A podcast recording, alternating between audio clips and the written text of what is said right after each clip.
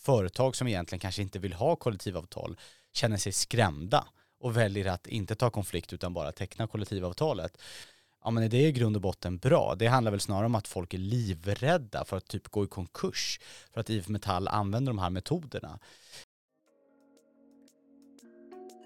Du lyssnar på Stockholmspodden, en podcast av Moderaterna i Stockholms stad och län.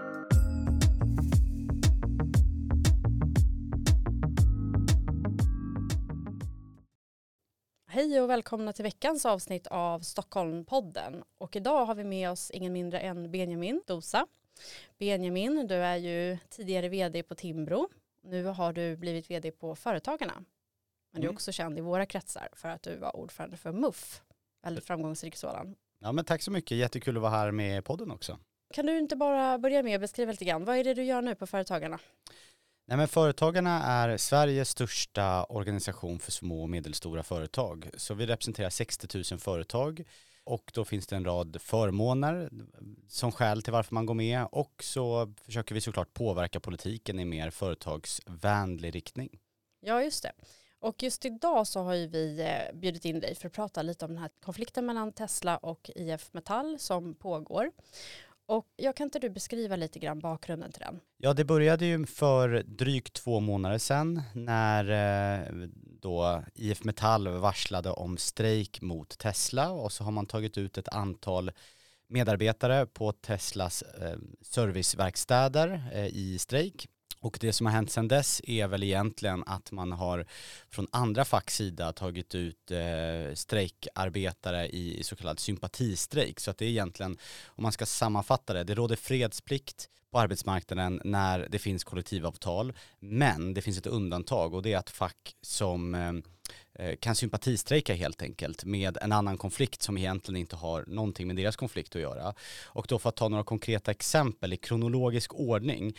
Det var ju som man säkert har följt i media, först blockader från Transport och Hamnarbetarförbundet 7 november.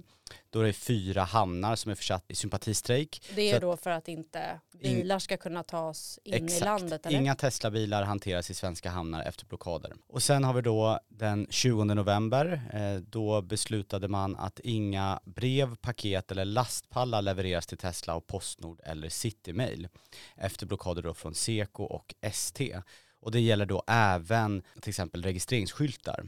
Och sen har vi då den 17 november och 23 november så utförs ingen städning på fyra av Teslas anläggningar sen Fastighet har försatt städning i blockad.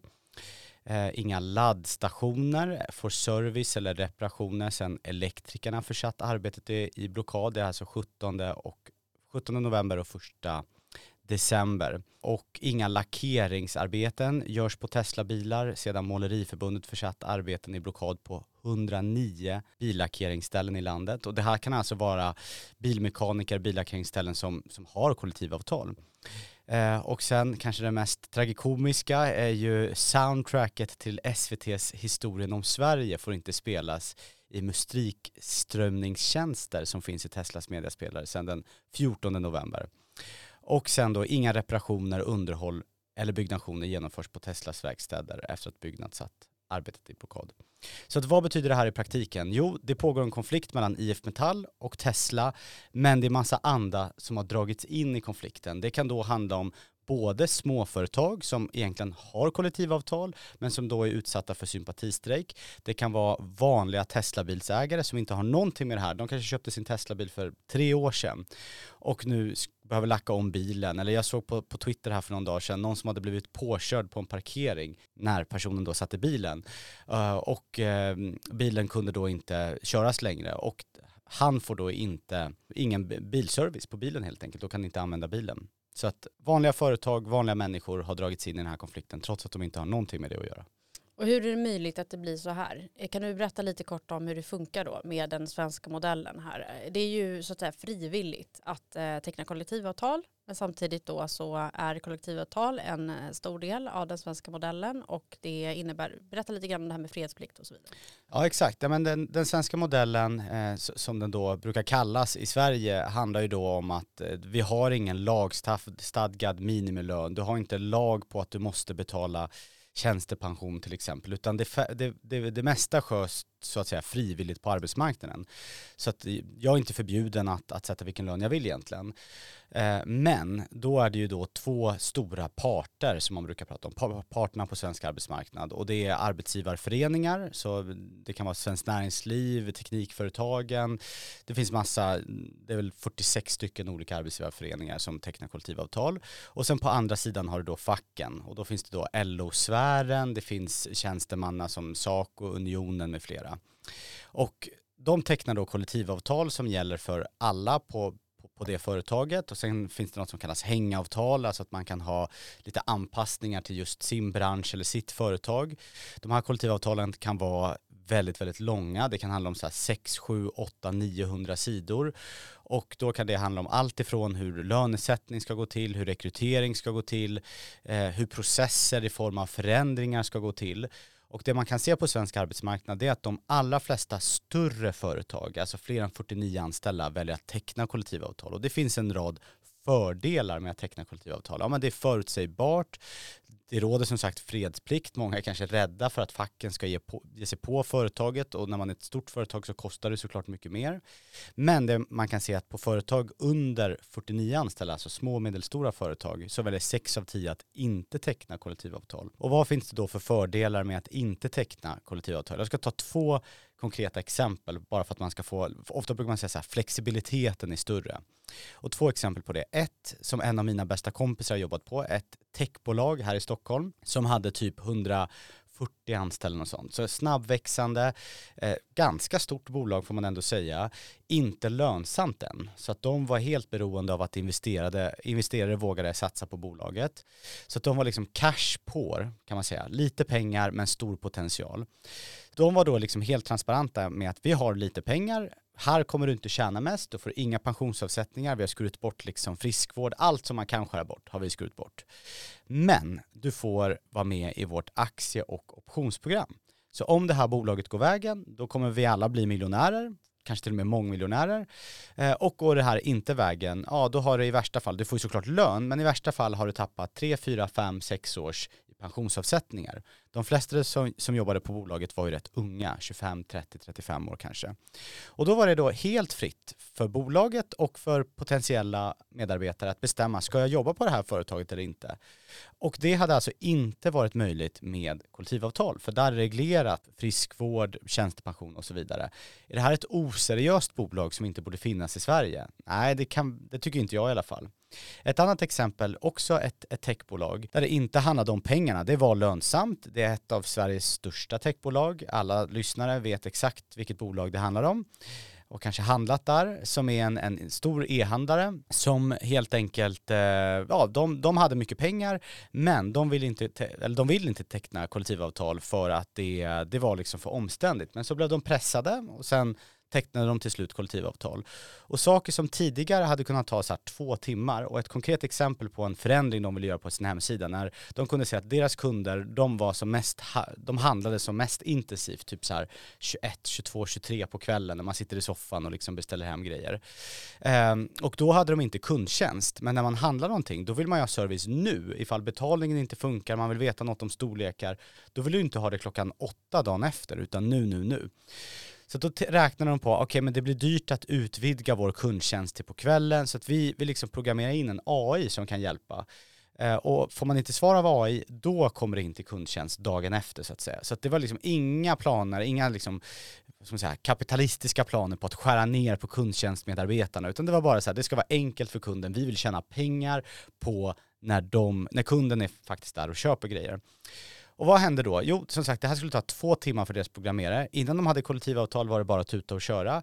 Men då var det ju reglerat i kollektivavtalet exakt hur den här typen av förändringar som påverkar medarbetare, alltså potentiellt här kundtjänstmedarbetare. Så att från att det tog två timmar så tog det nu sex veckor. Och chefen där och största ägaren var ju så här, men eh, och liksom det här är inte, i, i grund och botten, det är inte pengar. Vi kan liksom betala, vi kan betala kundtjänstmedarbetare, de får såklart höga löner, tjänstepension, friskvård, allt sånt. Utan det är tiden. Vi slåss liksom mot globala amerikanska och europeiska jättar. De har inga krav på sex veckor för en jäkla knapp som liksom, som, som AI-kundtjänst, utan de kör ju bara vi riskerar att bli obsoleta. Vi fattar typ 5 till 6 000 sådana här beslut varje månad. Om allt ska ta sex veckor, då hamnar vi efter. Så det är liksom två skäl liksom de här flexibilitetsskälen som, som gör att många företag ändå väljer att inte teckna kollektivavtal. Mm. Intressant. Ehm, och den här konflikten nu har ju ganska tidigt blivit infekterad och den eh, påverkar ju som du nämnde även privatpersoner. Hur tänker du att ehm, det här kommer att ehm, utvecklas framåt? Jag menar, nu börjar folk bli väldigt eh, arga. De har ju kanske investerat också i en Tesla för att de vill vara eh, framtidsinriktade, de vill ha en miljösmart smart bil och så vidare. Och nu så blockeras man. Nu kan man inte ens ta den till serviceverkstaden eller, eller någonting. Mm. Hur tror du att det kommer bli? Ja, men verkligen. Nej, men det, det, är ju tydligt att svensk lagstiftning eh, sticker ut. Alltså tittar man bara på, på Danmark så finns det då det som kallas för proportionalitetsregler. Så att det är inte, och man kan dra sådana här sympatistrejker till Arbetsdomstolen. Eh, så att är det fredsplikt så är det fredsplikt. Alltså är facket och arbetsgivaren överens, vilket då många av de här billackeringsfirmorna, alla de här hamnarna som nu, är, som nu har sympatistrejk, de har ju fredsplikt i grund och botten. Så att den typen av strejker hade sannolikt inte varit lagliga i Danmark. Eh, och, och, som sagt, i den svenska modellen säger man att ja, arbetsmarknadens parter får lösa det. Ja men problemet är att det ut, de förhandlingarna sker inte på en, på en, på en jämn spelplan. Därför att hela systemet, alla regler, alla lagar är riggade till fackens fördel. Så att i grund och botten, som svar på, på frågan hur långt kan det här få fortsätta? Jo, det kan dras in ännu fler. Och jag har redan hört underleverantörer, bilmekaniker som, som sagt inte har någonting med det här att göra, som nu får färre kunder. Tänk dig själv du är en bilmekaniker, kanske har kollektivavtal och du får inte, jag menar Teslabilar är, är de mest sålda elbilarna i Sverige och så är det en stor marknadsandel, speciellt i Stockholm. Vissa bilmekaniker har säkert 40-50% av all sin alla sina kunder är Teslabilsägare, ja de får inte serva, de får inte lackera om. Det är klart att det är enorma intäktsbortfall. Så att andra dras in och risken är väl att det här kan fortsätta väldigt, väldigt lång tid framöver. Borde Sverige ha en sån här proportionalitetsprincip? Absolut. Eh, vi borde verkligen snegla på, på Danmark för att jag tycker inte som sagt att det är rimligt att vanliga Teslabilsägare investerat 6, 7, 8, 900 000 i en bil som släpper ut betydligt mindre än bensin och dieselbilar dras in i en konflikt de inte har något med att göra. Hur tror du att det här påverkar bilden av den svenska modellen och kollektivavtal? Nej men det är ju, tänk er själva att ni är en stor eh, utländsk investerare eh, och sådana vill vi ju att fler satsar, fler av dem vill vi ju satsar i Sverige och bygger nya, alltifrån servicehallar, fabriker, öppna butikskedjor. Känns Sverige som ett attraktivt land att investera i när man tittar på den här konflikten som har fått enorm medial uppmärksamhet? Nej, kanske inte. Så att det här tror jag verkligen påverkar Sverigebilden internationellt. Samtidigt har vi väl haft ganska få strejker och så i Sverige historiskt. Det är väl också bra, eller? För näringslivet? Ja, det brukar ju lyftas fram som, eh, som liksom fördelen med den svenska modellen, att vi har historiskt få strejkdagar. Och det är väl liksom sanning med modifikation. Det stämmer som sagt att vi har få strejkdagar i ett europeisk kontext, men det finns ju andra länder som har den här typen av proportionalitets regler som också har få strejkdagar. Jag tror de få strejkdagarna handlar om att företag som egentligen kanske inte vill ha kollektivavtal känner sig skrämda och väljer att inte ta konflikt utan bara teckna kollektivavtalet. Och eh, LO och IF Metall framhöver ju nu att det här är ju fantastiskt. Det, är ju, det, är ju, det, det liksom svärmar ju företag kring oss nu och vill teckna kollektivavtal. Ja men är det i grund och botten bra? Det handlar väl snarare om att folk är livrädda för att typ gå i konkurs för att IF Metall använder de här metoderna. Ehm, så att jag är inte helt säker på att, på att det är liksom uppenbart bra att indirekt reglera fria företag på det här sättet utan det finns både för och nackdelar och företagare ska vara fria att själva få bestämma om de ska teckna kollektivavtal eller inte göra det. Finns det något föregångsland tycker du? Är Danmark ett föregångsland här också? Ja, men det, Danmark är ju, är ju ett sådant exempel, men det finns andra länder i framförallt Europa som, som har den här typen av, av regler. Sen finns det ju andra länder, så här, det här kan ju, vilket jag varken tror att arbetsgivare eller, eller den, den fackliga rörelsen vill, det, det, finns ju liksom andra modeller i sin helhet man kan välja och det tycker inte jag. Så man kan ju välja att reglera minimumlöner till exempel. Det tror jag skulle vara väldigt dåligt för svensk arbetsmarknad. Så att, eh, och så finns det ju i många länder, bland annat USA. Mm. I din vardag så träffar du ju väldigt många företagare och andra personer i näringslivet. Vad har du mött för reaktioner på den här konflikten? Nej men det, det, är klart att många eh, är ju oroliga att det här ska spilla över även på dem, särskilt de i branschen. Och som sagt, jag har redan hört att en, en hel del små och medelstora företag som har kollektivavtal men som är underleverantörer till Tesla nu drabbas av det här ekonomiskt och kanske till och med kommer behöva skära ner på personal. Ehm, och så tycker man väl att eh, vad ska man säga, den existentiella dimensionen av, av det här är, är viktig. Alltså att i grund och botten måste företagare ha rätt att säga nej. Vi har avtalsfrihet i Sverige. Man ska inte vara tvingad att teckna avtal som man inte vill. Och de här avtalen är ofta extremt omfattande. Som jag sa, kollektivavtal det kan handla om hundratals sidor som då företagare förpliktigar sig att uppfylla trots att man kanske inte vill det. Så det, är väl, det är väl reaktionerna generellt sett. Sen finns det ju en del som som känner, och det är väl kanske inte så många företagare, men i allmänheten så här, okej okay, vi har världens rikaste man som äger stora delar av Tesla kan de inte bara teckna kollektivavtal? Vad är problemet? Så gör det så är det löst och kan vi gå vidare. Och för honom verkar det väl vara liksom principiellt tror jag i första hand och i andra hand ekonomiskt men inte ekonomiskt i Sverige. Jag tror att en procent av Teslas omsättning i Sverige. Utan det det handlar om är väl att om, om Sverige, om IF Metall får till ett kollektivavtal här så kan det då påverka tyska IF Metall och amerikanska motsvarigheterna till IF Metall där man har stor produktion och där det blir liksom kronor och ören på riktigt. Så att om lilla Sverige lyckas med det, då, då kan det sprida sig. Så jag tror att det är till 90% är principiellt, 10% ekonomiskt i Tyskland och USA. Mm. Varför tror du att facket tar så stor strid kring just Tesla?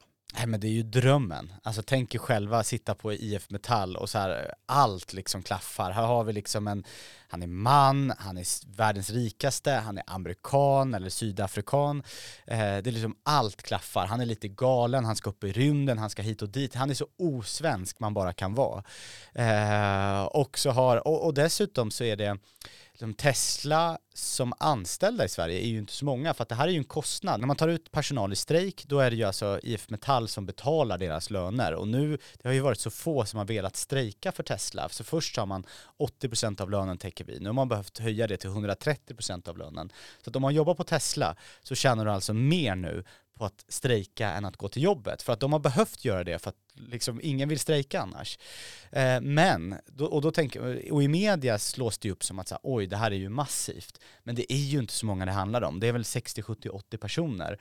Så att hade de tagit ut ett stort företag, nu har ju Volvo Cars och AB Volvo, Atlas Copco, alla de har ju kollektivavtal. Men tänk att plocka ut så här 15 000 anställda i strejk det är, ju, det är ju dyrt för varje dag som går. Det är ju tiotals miljoner som bara strömmar ur IF Metalls konfliktfonder. Så att du har liksom den här onda, rika, vita mannen i USA å ena sidan. Det är inte så många så det kostar inte konfliktfonderna liksom, så mycket.